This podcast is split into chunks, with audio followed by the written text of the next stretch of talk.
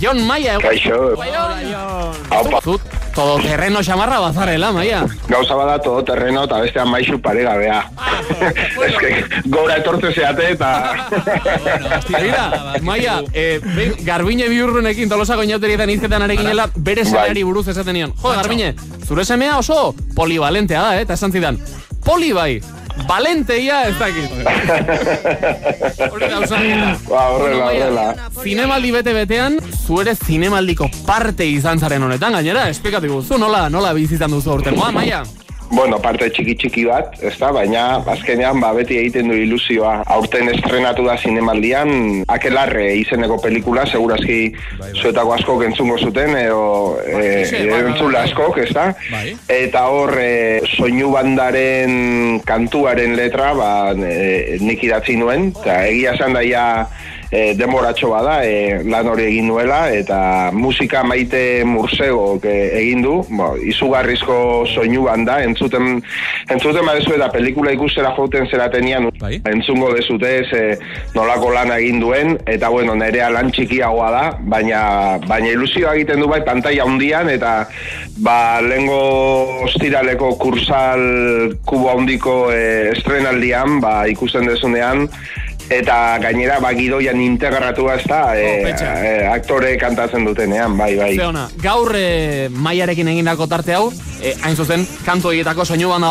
horretako kantu batekin e, ba, agurtuko dugu. Izango da aukera hori entzuteko, e, baina kontua da, Jon, ze zure letren e, historia guztiak eta errepasatzeko aprobitzatzen dugu zure bisita, e, gaurkoa eskaini nahi izan diozula nolabait, zinemari berari, ze elkarlan asko egin dituzu, e, pelikulak, soinu bandak pixka bat, e, mundu horretan murgilduko gara, ezta? Bai, bueno, e, egin ditut e, dokumental batzuk. Bai. Ez da, ez da nere arloa, baina tarteka enkarguak iriste zaizkit, eta gero ba, nik ere idearen bat izan dudana, eta bai, ba, korrikarako egin nuen dokumental bat, e, bidaia intimoak izenekoa, gero Kanadan egin genuen espedizio bat, amazigarren mendeko Hori. txalupa, bale, txalupa baten replika batean, arraunean, Bai. Apaizako beto espedizioa, hori da. bai. Hori beste egun batean e, ikusiko dugu horko eh, kantu bat, ere, bai espedizioaren historiarekin, han e, Ipar Ameriketako indioekin eta baleak eta bar, eta horren dokumentala, eta gero ba gazta zati bat izeneko beste bat egin nuen, e, erabakitze eskubideari buruz. Antxon. Eta bueno, eta azkena ba, bai zinemaldian behin bakarrik egon naiz, e, behin aukeratua izan zen, eta hori izan zen guti zura izeneko dokumental batekin, orain dela bi urte okerrez banago, eta Euskal Herria eta zura, basoa eta egurraren arteko ba harremanei buruz. Elementu guztiak nazten dira hor, e, eta ipatu dituzu ja zerrendan. Dokumental asko, Bai, dokumental asko egina da. Bakizu nik parte hartu izan dudala, Jon Maiaren dokumentaletan. Ah, bai? Eta John Maia Ah, badaki hori? Xabin da hori, ez da? Bai, Jon Maia Ga, gainera Xabin zu, ez dezu jakingo, baina agertzen zera batian. Be? Agertzen zera iskutatzen. Iskutuan agertzen ari, zorratzek aldetik iskutu, elkarrezketa batzutan, baina adibidez gazta zati baten, ardi batek arkume erditzen du, hori nik grabatu nuen Antxon. Ara, kameratzean lanak egindako. Mike, Mikel Lagoaren martxa baten lehen notak entzuten dela, eta bizitza bat erditzen ikusten dugu ba, arkume bat nola jaiotzen den, ez da, bai. Dena den Bai. eh, dokumentalak eta soinu bandak eta ipatuta eh, noski. Bai, hau, hau izugarria da, bai. Claro, hau da, txitsipollo. Bai, bai, e, ba, na- oso e, dokumental berezia izan zen gaztazati bat, Euskal Herrian zehar, ba, jende askok ikusi zuen, egun da berrogeita mar bat emanaldi egin genituen, eta e, joaten ginen lekuan aretoa betetzen ziren, Eta izan zen... Fenomeno eh, bat. era- eh, eh, bai, fenomeno moduko bat, erabakitze eskubidearen aldeko hasi bat ereitea bezala, e, ordura arte mm, diskurtso hori edo kontzeptu hori etzen oso gizarteratua, ez da?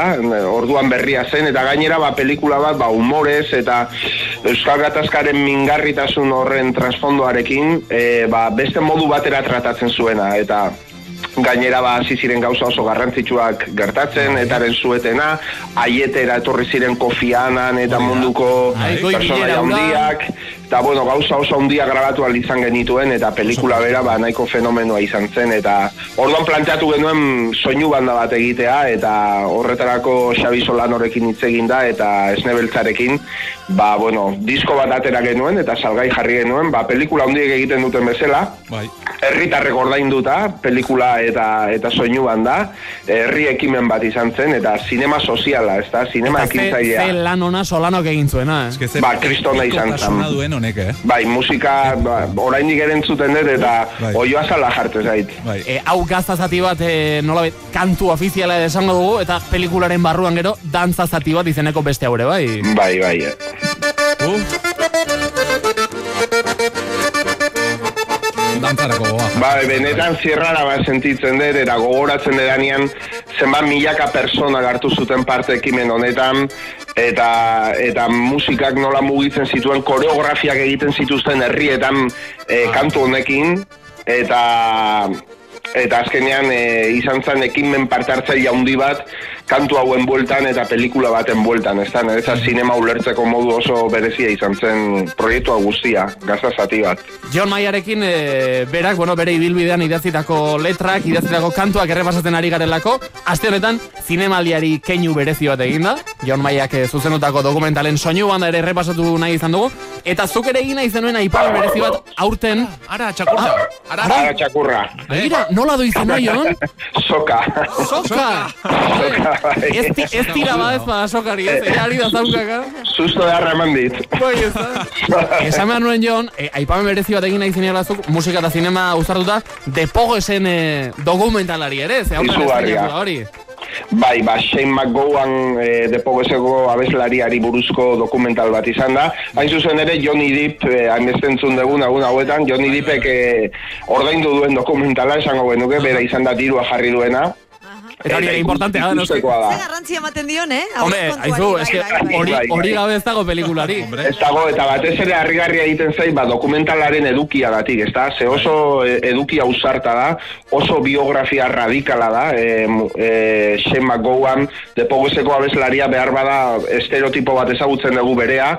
Segurazki gure entzule askok entzun dituzten kantu asko eta ezagutzen dituzten asko ez dakite berea direnik, Bai, fiesta eta olako. baina izugarria dira, eh, bai, eta, eta, bueno, dago estereotipo bat, ba, moskor bat Bai, esena, drogak eszenatokian, eta- da. drogak eta hortzak falta eta hori, baina, bueno, artista izugarri bada, eta, eta dokumentala, bueno, bu, erte, atera nintzenean, eh, Fermin Muguruzarekin egin nuen topo, Oh. eta bera ere, ba, e, txoratzen zegoen dokumentalarekin, eta esan zidan, ba, Julian Temple edo dokumental hau egin duen zuzendaria, ba, espezializatua dagola musikari handien hori da. e, dokumentalak egiten. Ba, jo, Strumer eta olakoak, eta Eta, bueno, ba, benetan gomendatzen dut e, e, Shane McGowanik buruzko dokumental hau jo niripek ekarri duen ez dakit aretoetara iritsiko den. Ikusi ze ausarta den, ze adierazpen askatasun dagoen eta gero, zein dar daukan e, benetakotasunak e, zerbait kontatzen dezunean.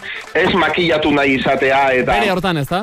Hori da, ez agertu nahi izatea perfecto bezala edo zoragarri bezala, dokumental asko propagandistikoa diren moduan, ezta?